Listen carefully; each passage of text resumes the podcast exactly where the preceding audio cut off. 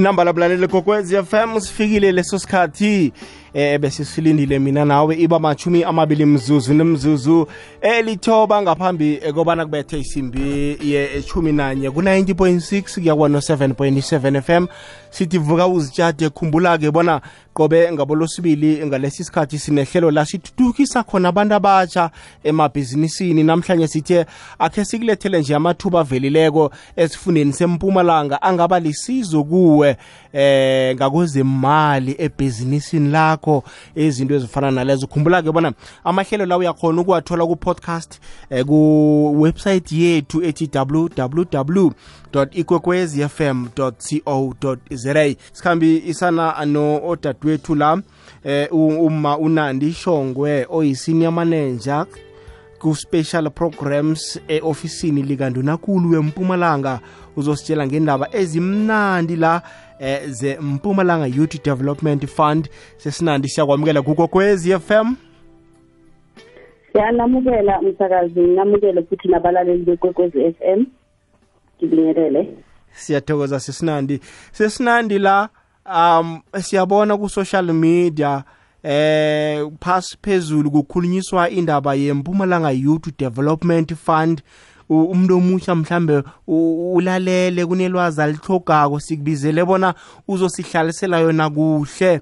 Nomlaleli kokwez FM akhona uku-aplya kuhle kungabi nento ezitshodako sikhuluma ngani sesinandi nasikhuluma ngempumalanga youth development fund? Yabonga msakazi youth development fund i-fund lena evule undunankulu wasempumalanga umama urefile mthweni sipani uyiqambe ngokuthi ebona izibalo zabantu abasha abangatholi umsebenzi. Siyabona ukuthi lezi balo ze-unemployment ziyanyuka each and every year. Abantu abasha bafundile bayeyikoleni kodwa mababuya kuswelakala imisebenzi. So wavula le mpumalanga development fund ukuthi isize ukuthi uhulumeni akwazi ukusiza abantu abasha abafuna ukuqala amabhizinisi nalaba abanawo amabhizinisi kodwa bafuna ukuthi amabhizinisi wabo akhule bazokwazi ukuthi baqashe futhi abanye abantu abasha kula mabhizinisi abo. Uyazibuza omunye umuntu olaleleko bona eh ukuze athole leli sizo lemali elihle kangaka kudingeka ini kuye? Kudingeka ukuthi ube umuntu omusha between the ages of uh, 18 to 35 years ube umuntu omusha ohlala empumalanga ube futhi umuntu omusha onebhizinisi eli-registered ube u-compliant with SARS ngoba sizofuna i-active SARS pin uma uzosubmithela uzofaka isicelo sidinge futhi nokuthi usifakele ne-proof of residence ukusho ukuthi ngumuntu ohlala empumalanga usenzele ne-business plan yakho. I-business plan yakho kumele ibe detailed usitshele ngebhizinisi yakho ukuthi ibhizinisi enjani elikuphi uzothengisela obani usenzele ne-proof of market uyenze nje ikhangiso i-business plan yakho ikwazi ukusikhonvinsa ukuthi ngempela uyalidinga leli sizo. Futhi le fund lena ngisho kusakazi ukuthi iyi-grant akuyona i-loan ukuthi imali esizokusiza ngayo imali ozokwazi ukuthi ungayiphindiseli emuva imali yakho ozoyisebenzisa ukuthi ikhulise ibhizinisi lakho. Uyazibuza omunye uthi la hey ngiyanizwa nikhuluma ngomuntu osele analo ibhizinisi lo sesenesifiso sokulithoma ke bona basize kanjani mhlambe kule fund? Abakaqala amabhizinisi abo bayasizakala nabo ongakazi ayiqale mhlampe ngoba eswela izimali ukuqala ibhizinisi siyabasiza nabo. As i-company yakhe i-registered. Siyakwazi ukuthi basize okwakhona kuqalwe umuntu o-registered onamaphepha asemthethweni asakusukelwa nje umuntu umuntu angabe bekakhulume namala athi unebhizinisi kanti akanabhizinisi umuntu kufanele azihlolise kuba mraro-ke kaningi-ke sesinandi-ke ebantwini abatsha abaningi abanamabhizinisi.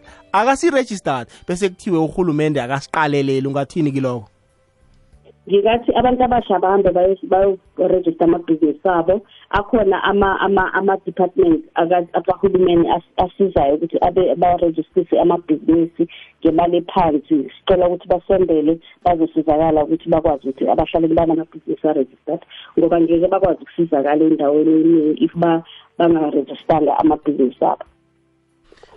Uyazibuza umuntu uthi-ke ibhizinisi enjani? Niyaqala bona mhlobo bani webhizinisi namkha nisiza enye nenye ibhizinisi?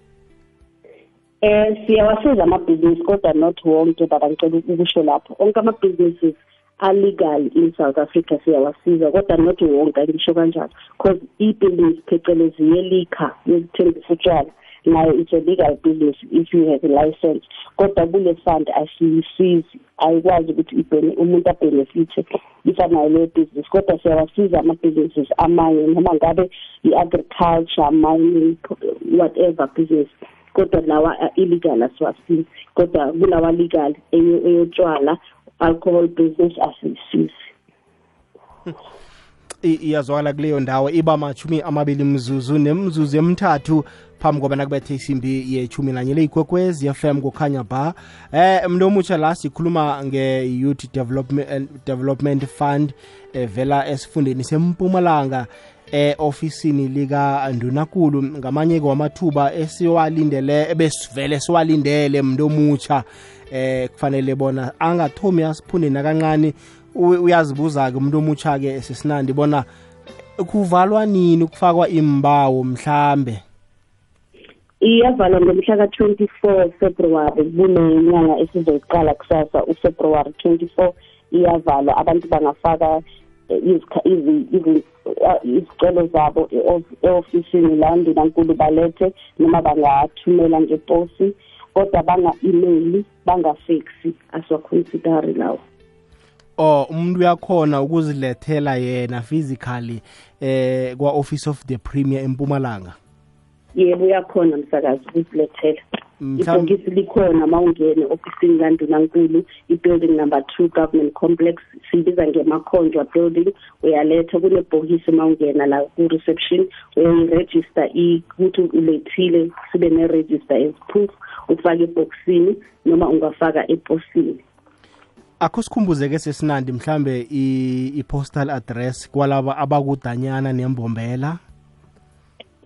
Alright um abantu abafuna ukufaka ku-postal address is private bag private bag x double one nine four one mbombela eh twelve hundred. Asibuyelele? Is private bag x double one 941 Mbombela 1200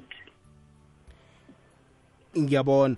Iyazwakala kileyo ndawo. Hayi mlaleli kokwez FM nawe-ke asingakuvaleli ngaphandle. Na ungabe mhlawumbe unombuzo othize nanithuba ungasidosela umtato ku-086 0003278 086 003278 nawenze bunjalo ngiyakuthembisa bona umbuzo wakho sizawuthatha uzwakale wazi bona uthi lokha nawufaka isibawo sakho ufake izinto ezilungileyo sesinanda khe sikhulume ngabantu abatsha abaphila nokukhubazeka bona ungathini kibo ungabakhuthaza njani bona ba-aplaye nabo?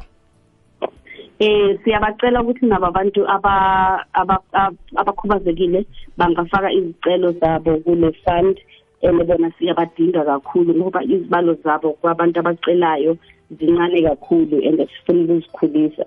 So siyabacela ukuthi nabo bafake siyabasiza and siyadinga futhi ukuthi sibasize ngobuningi babo. Iyazokala kuleyo ndawo 079 413 2172 079 413 2172 i-whatsapp voice note ngena mlaleli kokwez FM nawe eh uzibuzele eh unqopha okuthize nje ofuna ukukwazi esingakuvalela ngaphandle. Sesinani ngibawabona khe sithathe nomlaleli kokwez FM akhona ukukubuza umbuzo. Yetshe mindlo lavo enesithekeli sakho.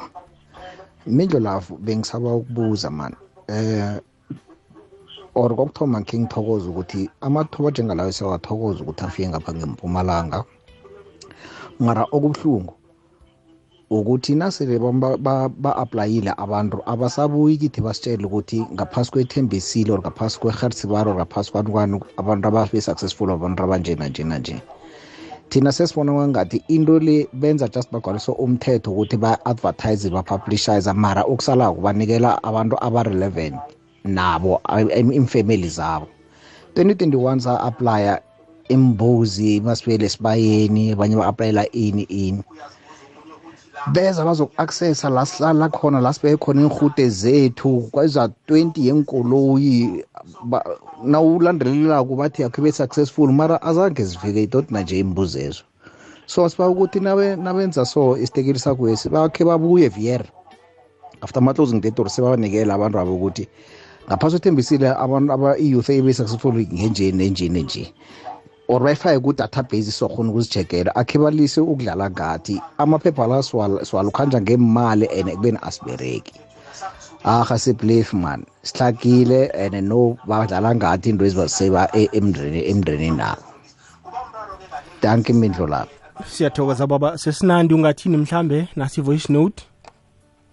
Eh ngiyabonga. Indaba yabantu abavakashele akusho ukuthi uma bayizile bazo-check iphilisi bazo-verifya phecelezi kusho ukuthi usuzoyithola and ku-advert yethu imibheka msakazi sibhalile ukuthi asikwazi ukuphendula wonke umuntu. Uma ufakile isicelo sakho kunesikhathi uma kuphela u-three or four months ungatholi i-response in terms of bakufonele benze appointment kuzokubona kusho kona ukuthi awukho successful. Asikwazi ukuphendula wonke umuntu oba maningi ama-applications eh futhi si-informa laba abatholile i-application yethu iyasho vele ukuthi asirespond if ungekho successful. And futhi eh ngicela ukusho kumlaleli lapha ukuthi asinikezi abantu abayizihlobo zethu ngoba ngemsuku athi kudlalwa ngabo sinikeze izihlobo zethu. Ayikho into enjalo. This is genuine. Sesinikeza abantu abafanele ukuthi bayithole. Izihlobo zethu azikho azitholi aba-apply asibaconsidari ngoba sikule fund ngicela ukusho ukuthi bakhona futhi kuthembisile abatholile into esizoyenza mhlawumbe moving forward ukuthi ngawumasipala nomasipala abantu abatholile bahlale babazi kumasipala ihlale be-database ku-youth desk ya each and every municipality ukuze bababone bayibone lento ukuthi ikhona iyaphila. Futhi siyazama nathi ukuthi moving forward laba ababhenefithile kube yibo abazoza kumsakazo bazozikhulumela ukuthi batholeni benzenjani kanjani ukuze ba-encourage abanye abantu. Siyathokoza kuleyo ndawo sesinandi. Ku-086 3278 086 3278 khe sizwe omunye umlaleli? Eh mindlulavu unjani? Sikhona kunjani? Khe ngibuze mani ngiyathokoza mani nawunebhizinisi uyirejistile i-registered kodwa ingazange khe isebenze mara uyirejistile ingazange khe ibe khe isebenze khe kube nala ibizwa khona. Then sidlula njani lapho? Ngiyahelebheka na? Ngiyathokoza ngunzunza ikamara football sisinandi? Eh ngishile ekuqaleni baba ukuthi uyahelebheka uma ibhizinisi yakho li-registered ne-business eh plan yakho isho konke okudingayo ufake wonke amaphepha. Eh uzokwazi ukusizeka ngoba asisizi abantu abanamabhizinisi asebenzayo. Siyabasiza nabantu abarejistile amabhizinisi. Noma angakaze aqale ukusebenza siyabasiza. Manje lapha ke emvumeni ku-music mhlambe ngine recording recording company yami into ezifana nalezo niyasiza ku-music sesinandi? Siyasiza baba siyasiza kakhulu. Okay kuyazwakala kuleyo ndawo khe sizwe eh kodwa omunye umlaleli? Imidlo lapho kunjani? Sikhona? Ah ukhuluma nomafika soko ebhedala. Eh mina mindlo lapho eyami ibhizinisi yeka agriculture leyokulima ngikhuluma nawe nje kulonyaka ngikhonanga ukulima ngenxa yokushoda kwezinto zokusebenza. Anginazo into zokusebenza but i really need this funding. So ngicela ukubuza ukuthi ngingenza kanjani ukuze ngiyithole because inkinga enginayo ngathi uma ngiregister ibhizinisi eh ngaba nenkinga yaka-SARS. So uma ngenza ama-tax return angikhoni ukwenza i-tax return. Angitholi ukuthi inkinga isala kuphi. Sengiyile ka-SARS but still angikhoni ukusizakala. So angazi ukuthi mhlambe ngingasizakala kanjani ukuze ngikhone ukuthola i-funding la ebhedala uma fika so. Uyawuza umbuzo sesinandi? Ngiyawuza but asimphendule. Eh ngoku ngale fund lena sifuna umuntu one-active SARS pin. So uma kunenkinga yokuthi kune problem ngakwa-SARS awukhoni ukuthola i-SARS pin i think kumele abakwa-SARS bakusize ngengikwazi ukubakhulumela ngoba angazi basebenza kanjani angazi futhi nenkinga ubaba anayo ukuthi yini kodwa kumele ayiresolve ngoba vele asikwazi ukumsiza if i-SARS pin yakhe ingekho active. Kusho ukuthi akacomply ne-SARS kumele athole ukuthi inkinga ikuphi ayilungise ukuya phambili azokwazi ukuthi asizakale. I- iyazwakala kuleyo ndawo. Hayi mlaleli kokwez FM ungasabe ungena nje ubuze wakho umbuzo 086 manje ke akhe sithi mhlambe ngikhe nga-aplya last year azange ngiphendule. Eh nginga-aplya godu unyaka lo? Eh unga-aplya unga-aplya abantu esingeke sibasize yilaba ukuthi ba-aplya basizakala sebafuna enye imali emo asikwazi ukubasiza asimsizi umuntu oyedwa kabili. Kodwa if uke wafaka before wangasi- wangaphumelela unga- ungazama futhi ufake kulo nyaka. I- iyazwakala mlaleli kokwez FM eh, sikhambisana nodadewethu la unandi shongwe oyi-senior manager eh, ngaphasi kwe-special programs e-ofisini likandonakulu esifundeni isempumalanga. Sikhulumisa indaba ekulu la eh impumalanga youth development fund eh ngamanye nje wamathuba kufanele angakuphundi imlaleli kokwez FM manje ke sesinandi la u- uyazibuza ke umlaleli bona na ukukhuluma ngelutsha ni cheche thoma eminyakeni ongangani? Siyazi bona kufika ilutsha leSouth Africa 35 nithoma eminyakeni ongangani mhlambe? Sithoma eminyakeni ethi 18 ngoba umuntu usene-id from 18 to 35 o 18 to 35 yes 18 to 35 18 okay iyazwakala. Manje ke umuntu ongaphezulu kuka 35 uyazibuza umntu abantu bona kanti thina siyokutshejwa nini empumalanga? Akhona mhlawumbe amathuba wabantu abangaphezulu kuka 35 akhona amathuba ama- amanye ukuthi basizakale ngoze- kwezimali noma amabhizinisi kwamanye ama-department nabo namanye futhi amasiko amanye alekelelana nama-department unohulumente akhona. Kodwa lena vele i-specific iyi-youth njengoba sisho ukuthi impumalanga youth development fund. Aw iyazwakala kuleyo ndawo. Ngiba ungibambele njalo sokuthengisa mama siyabuya. Inamba lale kwekwez fm kukhanya ba 10 to 11 sithi vuka uzitshathe kulihlelo lamabhizinisi asathuthukako elingena qobe ngolo sibili kwa-fast 10 bekube ngu-11 namhlanje siqale nje isizo lemali elivela empumalanga e-ofisini lika-premier sikhambisana nomala udadewethu unandi ishongwe. Khe sibone la omunye umlaleli kokwez fm othumeleko simuzwe umbuzo wakhe ngiyethe mindlulava kunjani? Sikhona baba. Eyi mindlulava ngiyayizwa ngiyayizwa um indaba eniyiphethe kule. Khuthaza kakhulu siyilutsha um njengoba imbereka ingekho nje imindlulava ku-abuti ngiyahamba kho mindlulava bengibawa mani ngikhusa ungibuzele kusithekeli sakho mindlulava ukuthi ma ungazi imindlulavi ngendaba zokurejista imindlulavi njengoba bathi zobe bakhona kusasa ngekwahafontena bangakhona ukuthi bakusekele bakugayide bakukhomba indlela ukuthi kurejistwa kuphi kukuphi nakuphi lakho usukuhambe khona. Bakwazisana ngemali ukuthi amaphepha wonke abawafunako la angenza malini? Ukuthi umuntu makasuka ngane ngekwarha buya ngikhaya ngapha azi bonyana yini nani nani nani maphepha maphi namaphi afunekako.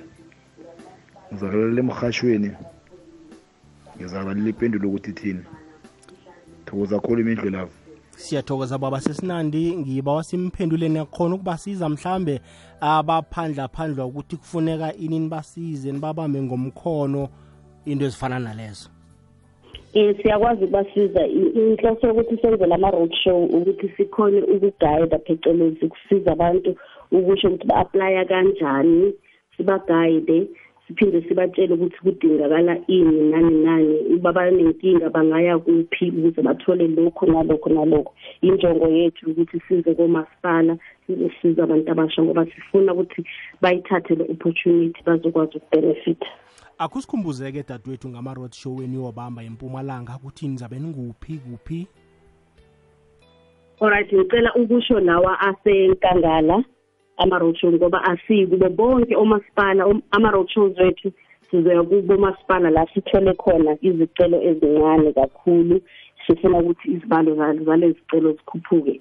Hence we are doing ama- ama-road shows sizoba e- ethembisile eh ani local municipality ngomhla ka-2 february.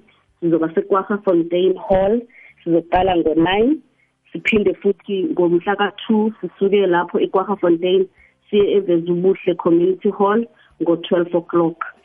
Ngomhla ka-3 sizoba semakhazeni eDalstrom sakhi- eh, sakhelwa community hall sokuqala ngo-9 sibuyele ngomhla ka-3 sibe sebelfast emakhazeni eh, led center ngo-12 sibe semashadodop eh, council chamber siqale ngo-half past 8 yiwo lawo siwabekile for eh, eh, i-district yase yasenkangala ngoba kwabanye omasipala around inkangala sithole izibalo eziningi kakhulu and sinawo ama-beneficiaries okay. Asikwazi ukuya kubonke omasipala yebo kodwa ba- bavumelekile abanye uma bafisa ukuza bangeza la kulezi ndawo noma bangahlali ekwaha nasethembisile nasemakhazeni bangeza if bakwazi ukuthi bafinyelele khona njengoba ngishilo asikwazi ukuya kubo bonke omasipala siya kulaba esithe masi-check-a sabona ukuthi ama-applications ethu abe mancane kakhulu kubo labo masipala.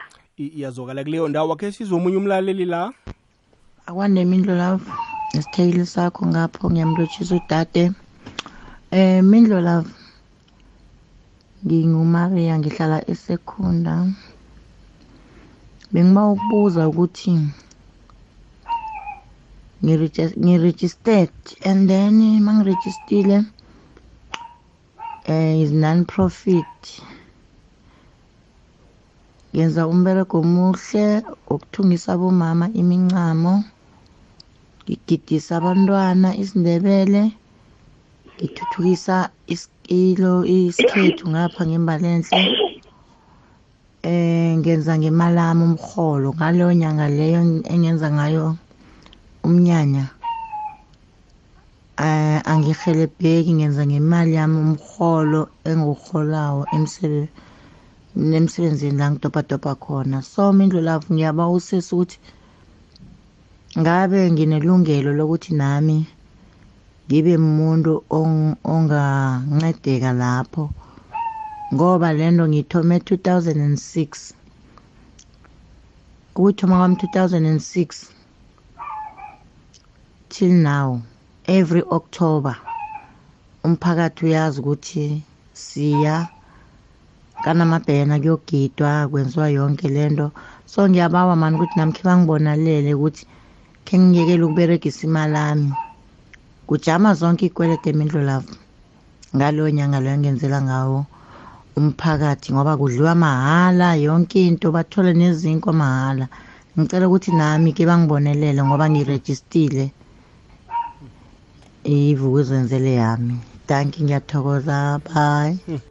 I- iyazwakala sesinandi. Uyamuzwa uma uma uthuthukisa isikhethu la uthi konke ukukhipha esikhomeni sakhe urejistarile into ezifana nalezo u- ungathini kuye? Ngiyamuzwa umama. Unfortunately asikwazi ukumsiza kule fund lena ngoba i-non-profit organization. Thina sisiza ama-business enza i-profit ngoba sifuna ukuthi ibe sustainable. Uqhubeke ukwazi ukuqasha more youth sizama ukulwisana ne-unemployment. So ama-non-profit organization kuhulumenti u-department of social development uye osebenza kakhulu nokuxhasa ama-non-profit organization. Angazi ubaba noma ukwewaya kwa-d s d uku-check-a ukuthi angasizakala kanjani. Bamsi- bamtshele ukuthi kudingekala ini a-aplaye khona ngoba yibo abafanda ama-non-profit organization. Impumalanga youth development fund ayiwafandi ama-n p os. Ngiyabonga. Iyazwakala. Akhe sibakhumbuzeke godu ama-documents afunekako sesinani ngaphambi kobana siyivale? Ama-documents afunakalayo uma uya ku-website yampumalanga it's www mpg gov za uzodownloada i-form leli ozolisebenzisa ugcwalise imininingwane efunwa yilelo form uzolisebenzisa as your cover page ma u-apply. Lifana ne phecelezi i-z83 uma ufuna umsebenzi kuhulumeni. So uma ungakalifaki lelo form vele asikwazi ukuthi sikuconsidere ukuya phambili siqala ngokucheck-a lona kuqala. So uzofaka lelo form lelo ufake your business plan ufake your certified copy i-d ufake i-cv yakho i-cv yakho kufuna ihambe nama-documents that accompany your cv mhlawumpe uma ngithi mina yenza i-diploma ye-financial management ufake necopy e-certified yaleyo diploma. That is what I mean. CV ihambisana nama-documents akhona ufake ne-proof of residence ufake futhi ne-company registration document ufake ne-sars pin yakho e-active engaka-expire. Uphinde ufake futhi i-BEE certificate uphinde usifakele futhi ne-statement sakho sase-bank we want you to have an active bank account. Mhlawumbe noma ingekho active kodwa nje showa i-proof ukuthi uvulile ikhampani yakho inayo i-bank account. Ngibona la nikhulumisa i-proof of market. Nikhuluma ngani la? I-proof of market ukuthi mhlawumbe uma ngithi mina ngu-shoprite wena ufuna ukudayisela amatamati uzo uzo mina ushoprite uzongicela ukuthi ngibhale incwadi eshoyo ukuthi i-produce yakho mina ngu-shoprite ngizoyithatha. Yabona so usenzela i-proof ukuthi izinto zakho uzokwazi ukuzidayisela le nale nale because sifuna amabhizinisi angabi angafi abe sustainable ngoba into ebalulekile uma sichaza ukuthi unayo i-market na. Akusizi ukuxhasa umuntu owazi ukuthi akekho umuntu ozothenga i-product yakhe so le bhizinisi vele izofa. Bese ezama ukuthi usinikeze i-proof of market. Iyazwakala umuntu uthi ngise-gauteng nginga-aplya nami? Cha sithe impumalanga residence umuntu ose-gauteng awukwazi uku-aplya and nabantu abasebenzayo ngicela ukuyicacisa msakazi asibaxhasi ngoba it's for unemployed yes uma usebenza une-job awukwazi uku-aplya ke sithi mhlambe uthola i-grant ethize yaka-government NSFAS esesikolweni uholela umntwana into ezifana nalezo labo niyabasekela bona asinankinga nalokho kodwa nje into esingakwazi ukuyichasa ukuthi uyasebenza uneliholo elishoyo ukuthi ngi-employed unandi u-employile uyangiholela every month cha asikwazi ukukuchasa iyazwakala nangumlaleli khe simuzwe angavaleleki ngaphandle. Unjani mindlulavu nesithekeli sakho? Eish ngiyayizwa indaba leni eniyikhulumako and nami bengiplenile ukuthi ngo-two. Ngiye lapha ekwarha ekwarha eholweni. Mayinkinga yami ukuthi mina ibhizinisi yami khona ngisayicabanga ukuthi ngifuna ukustarta ibhizinisi enjani? And ngiserious ngayo ukuthi ngifuna ukuyithoma. Net angikakarejisti lokhu kokurejista lokhu ngoba ngekayikayithomi ngisayiplanela ngithoke net imali yokuthi ngiyithome. Mara ukurejista angikarejisti ngoba angikayithomi anginamali okuyithoma mara yona i-idea yakhona ikhona la kimi. Ngazi ngenza njani ngasize kanjani ngoba bengihalele ukuza lapha ekwarhewuleni mara nangizwa ngithi bathi kuza lapha barejistile ayi sengiphela amandla-ke ethokoza. Sesinandi ungathini kuye?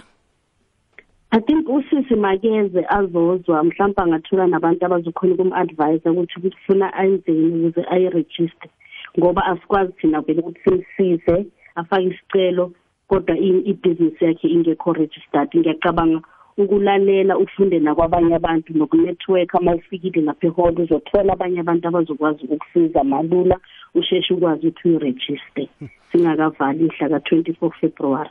Ungaphela amandla bayisista yiza uzothola ulwazi. Uzosizakala ngokuthi uzobathola abantu abangahle bakusize.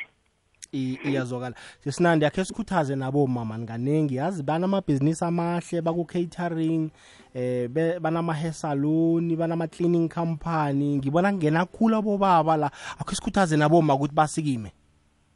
Ya omama sebaqalile ngicela ukusho msakazi bayafaka kakhulu ngobuningi kule esiyenzile ngodisemba besinezibalo eziningi zabomama abatholile ukudlula bobaba kule nyanga kadisemba uma senza sifinalize ama-applications ethu. Kodwa ngiyasho ukuthi abafake futhi omama siyabadinga ngoba siyazi ukuthi omama abaningi yibo ababambe amakhaya amaningi. Angisho ukuthi bonke kodwa abaningi babo yibo abamba amakhaya bafundisa abantwana. Konke nje kuba kusezandleni zabo. So uma kusizakala bona kusizakala isizwe. Bomama sicela nifake. Sesinandi kuyini i-BEE certificate? Ukhuluma ngani? i-BEE certificate ile certificate ekhulumayo ukuthi you are black yayibona? Umuntu omnyama ngoba kukhona lesa sikhathi kushintsha ukusiza kudemocracy sibonile ukuthi bekuthola ama-benefits amaningi baya kwabantu abamhlophe. So amanje masebenzile lokuthi uya-aplya umuntu omnyama kuba nale certificate yakho i-b e eshoyo ukuthi bangakha abantu kukhampani yakho abantu aba- aba- abakhubazekile noma kanjani bakurate bakurate then kuba nale b e certificate yakhona ukuchaza konke ngabantu ababhilonga kule bhizinisi yakho. Iyazwakala. Hayi akhe sibakhumbuze nje kokugcina isiphande i-address nama-contact details nabanembuzo ama-contact details uzoqala nge-email address. Uma unama-queries or ufuna ukwazi kabanzi kabanzi ngalo ngale fund uzoya uzobhala MYDF which is abbreviation ya Mpumalanga Youth Development Fund uh, all in capital letters MYDF at mpg.gov.za then in inamba ozoshayela uma ufuna ukwazi kabanzi zero one three seven double six two one zero eight. Ngiyiphinde zero one three seven double six two one zero eight. Uzakhulumisana nobaba ubheka ntandane. Hmm. Uzokuphendula futhi ungafaka ne-email. Uma ungamtholi ungafaka i-email usho into ofuna kusize ngayo uzokuphendula uzothola i-response ku-email. Kodwa i-email leyo ngicela ukusho asifaki ama-application. Hmm. Awu-email ama-application akho okucela usizo ufaka nje uma ufuna fund iyazwakala i-postal address? The private bag x double one nine four one bombela twelve hundred. Private bank x double ikhathi double one nine four one. Double one nine four one. Yes bombela twelve hundred. All right hayi sesinandi sithokozile mani. Sithembe bona eh, ilutsha lempumalanga bazokusukuma. Ngiyabathemba mani. Babodwa ba- abaku-welding bachiselela eh babodwa baku-construction eh yeyi maningi amabhizinisi. Ngizwa ubuhlungu-ke eh, sesinandi. Abawarejistari abantu bekhethu. Umraro uba lapho. Abasikime isikhathi sesekhona i-closing date ingomhla ka-24 ungalayelisa umlaleli kokwez f m sesinandi?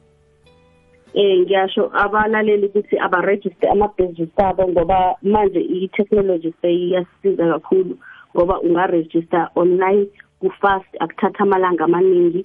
Sicela ukuthi baregister ngoba bazolahlekelwa ama- amathuba amaningi if bange- basanamicabango yamabhizinisi kodwa bangayiregister sicela ukuthi abarejiste bazokwazi ukuthi basizakale futhi ngeke basizakale kumpumalanga youth development fund maningi futhi amathuba uhulumeni awavulile kodwa kufuna ube nebhizinisi e-registered sicela ukuthi bafake barejiste. Nabalaleli abakhubazekile youth ekhubazekile sicela ukuthi bafake futhi bangavumeli abantu babafront basebenzise bona ukuthi amabhizinisi awabo kungewona awabo. Into esiyitholayo leyo kakhulu kuba kubantu aba- aba- abakhubazekile ukuthi abaningi babo bayabasebenzisa abantu. Sicela ukuthi bangavumi. A- anika iqala i-qualification la sesinanda ngitsho?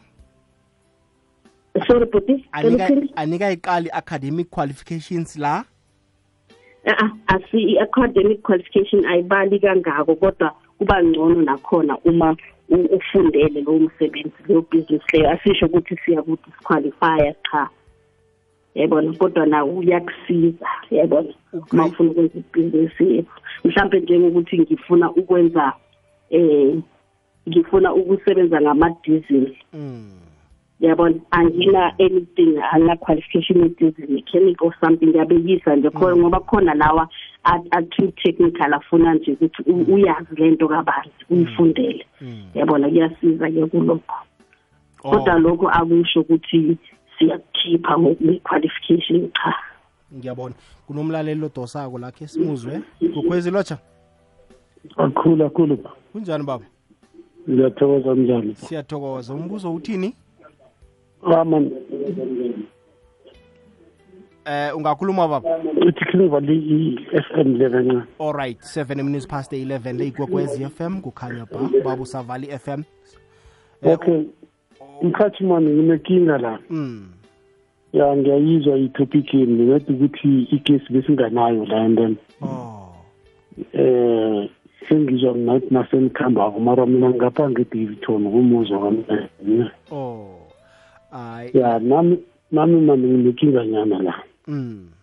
ngike ngazama ukurejista i-company la. Mm. And then eh into zami zajama ngokuthi nangithi na mhlambe nangihlangana na nabantu abangangihelebhako mhlambe banganginikela isitoko sokuthi ngithengise ofana kanjani bafuna i-business account. Mm. And then khe ngayoyenza-ke i-business account akhona ngayenza i-f n b. Eh and then into ngathi sezijame ngokuthi eh be- bafuna ukuthi nasenginaleyo business account kube khona imali engiyifaka inyanga nenyanga. Mm and then ngabhalelwa ukwenza lokho ukufaka leyo mali ngenye inyanga nenyanga. Mm and then njengoba sengibhalele so sekuba yinkinga manje nasengithi mhlambe ngifuna ukuyovula enye i-account in order ukuthi labantu abazongihelebha ukuthi ngikhone ukuhlanganisa ibhizinisi lami futhi banginikele mhlawumbe isitoko bese mina ngiyachova mm abasakhoni ukunginikela bafuna leya business account. Manje eish angazi ukuthi ikinga enjalo mhlambe um usesi lapha ngangihelebha ora singayilungisa njani na? Ngoba ivuliwe i-business account mara angikhoni ukufaka imali kiyo. Okay iyazwakala baba. Eh umbuzo ngizowudlulisela kusesi Eh, ifandi le iqale abantu bempumalanga. Kodwana angidlulisa umbuzo nguwudlulisele kusesi. Nasi i-business account engangeni imali engasi eh, enganama-transaction ngathi ngayizwa nami into leyo niyithini sesinandi?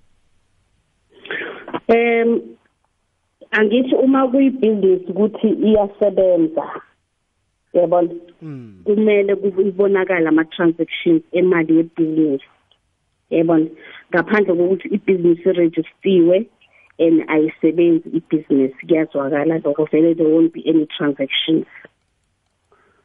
Mm. yebo. Oh, uyaphenduleka baba? Angakaphenduleki yazi ngoba manje tshentele ingenzini-ke mhlambe nangabe ngiyo ampule engazuthi ngivalele indlela zami? Kubangwa ukuthi akunama-transaction ku-business account yakho? Ehe A- a- a- akuna akusho ukuthi ang- ang- angikhoni even i- ibhizinisi lami it's- kusho ukuthi bafa- bafuna imali edlula le engiyenzako mina mhlambe ngenyanga. Nge- bobani labo? I- i- i- i- i- ibhanka le engivule kiyo i- i- i-account leyo eyi zamabhanka sesinani ngathi zizosibetha hani ya singathi ubaba mhlawumbe akazame amanye amabhanka ngoba maningi amabhanka if elilodwa limnikeza inkinga akaye kwe- kwamanje siwabize ngamagama la emsakazweni. Kodwa akazame amanye amabhanka ngoba ngeke ngikwazi ukubakhulumela ngoba angazi inkinga ukuthi yini. Kodwa nje kumele abe nayo i-business account if afuna usizo. Mm. enebhizinisi esebenzayo kumele kube nama-transactions akhombayo ukuthi iyangena imali iyaphuma. Kodwa akazame amanye amabhanka if anenkinga ngebhanki elilodwa elingakwazi ukuthi limsize. Ngoba uzovaleleka Ama- amathuba amanye amabhanka sengiwazamile mara ikinga ukuthi leya bhanka leya nangiyovula enye i-account kwenye ibhanka bayangibhalela ukuthi ngivule bathi angitsho ngine-account nginayo i-business account kuleya bhanka leya efuna imali engiyikoloda ampuri five months yonke and seyi-more than yabona? And omunye ngathi ngingangena kuleya bhanka wangitshela ukuthi ngingaba senkingeni yokuthi mhlawumbe ibhanka njengoba ingakhoni ukufaka imali ngingaba senkingeni ukuthi bagcine bangifake kuma-credit bureau. Manje ezinye izinto sezingishayisa bovalo ukuthi kusho ukuthi ibhizinisi lami kahle kahle sama sama akusanala sazaphindele khona. Ngicabanga ukuthi baba u- uthatha inomboro ngi- le leyo sesisayikhuluma off air bakhona ukuthumela nebantwini abangakusiza ngoba ya la bes- bangapha ngegauteng mhlawumbe Iye, ne? into ezifana nalezo. Eh ya okwanje besicale impumalanga youth fund. Kodwana-ke izwakele baba thatha inomboro ufoni bakuthumele ebantwini ekungibo abangakusiza. Okay ngiyathokoza. Sithokozile baba. Ah sesinani sithokozile kuba nawe. Namhlanje umlaleli uzithethe inomboro eh, uza ku-aplya eh, sinifisela ichudu kwangathini ngabathola a- abanamabhizinisi abest eh, nibasize basizakale. Siyabonga baba. Sicela ukuthi nabantu abasha ba-aplaye bangalethi after umhla ka-twenty-five ngoba ngeke siwa-considere ama-applications isikhathi sisasekhona aba-aplaye ba-aplaye mabadinga usizo sikhona sizobasiza sizobagayida ngoba sifisa ukuthi baphumelele babenefite. Siyabonga. Sithokozile mama. Siyathokoza. Awuzweke ngunani shongwe ovela e-ofisini likandunankulu esifundeni sempumalanga siyathemba-ke mntu omutsho wempumalanga hayi um ilwazi ulitholile hle.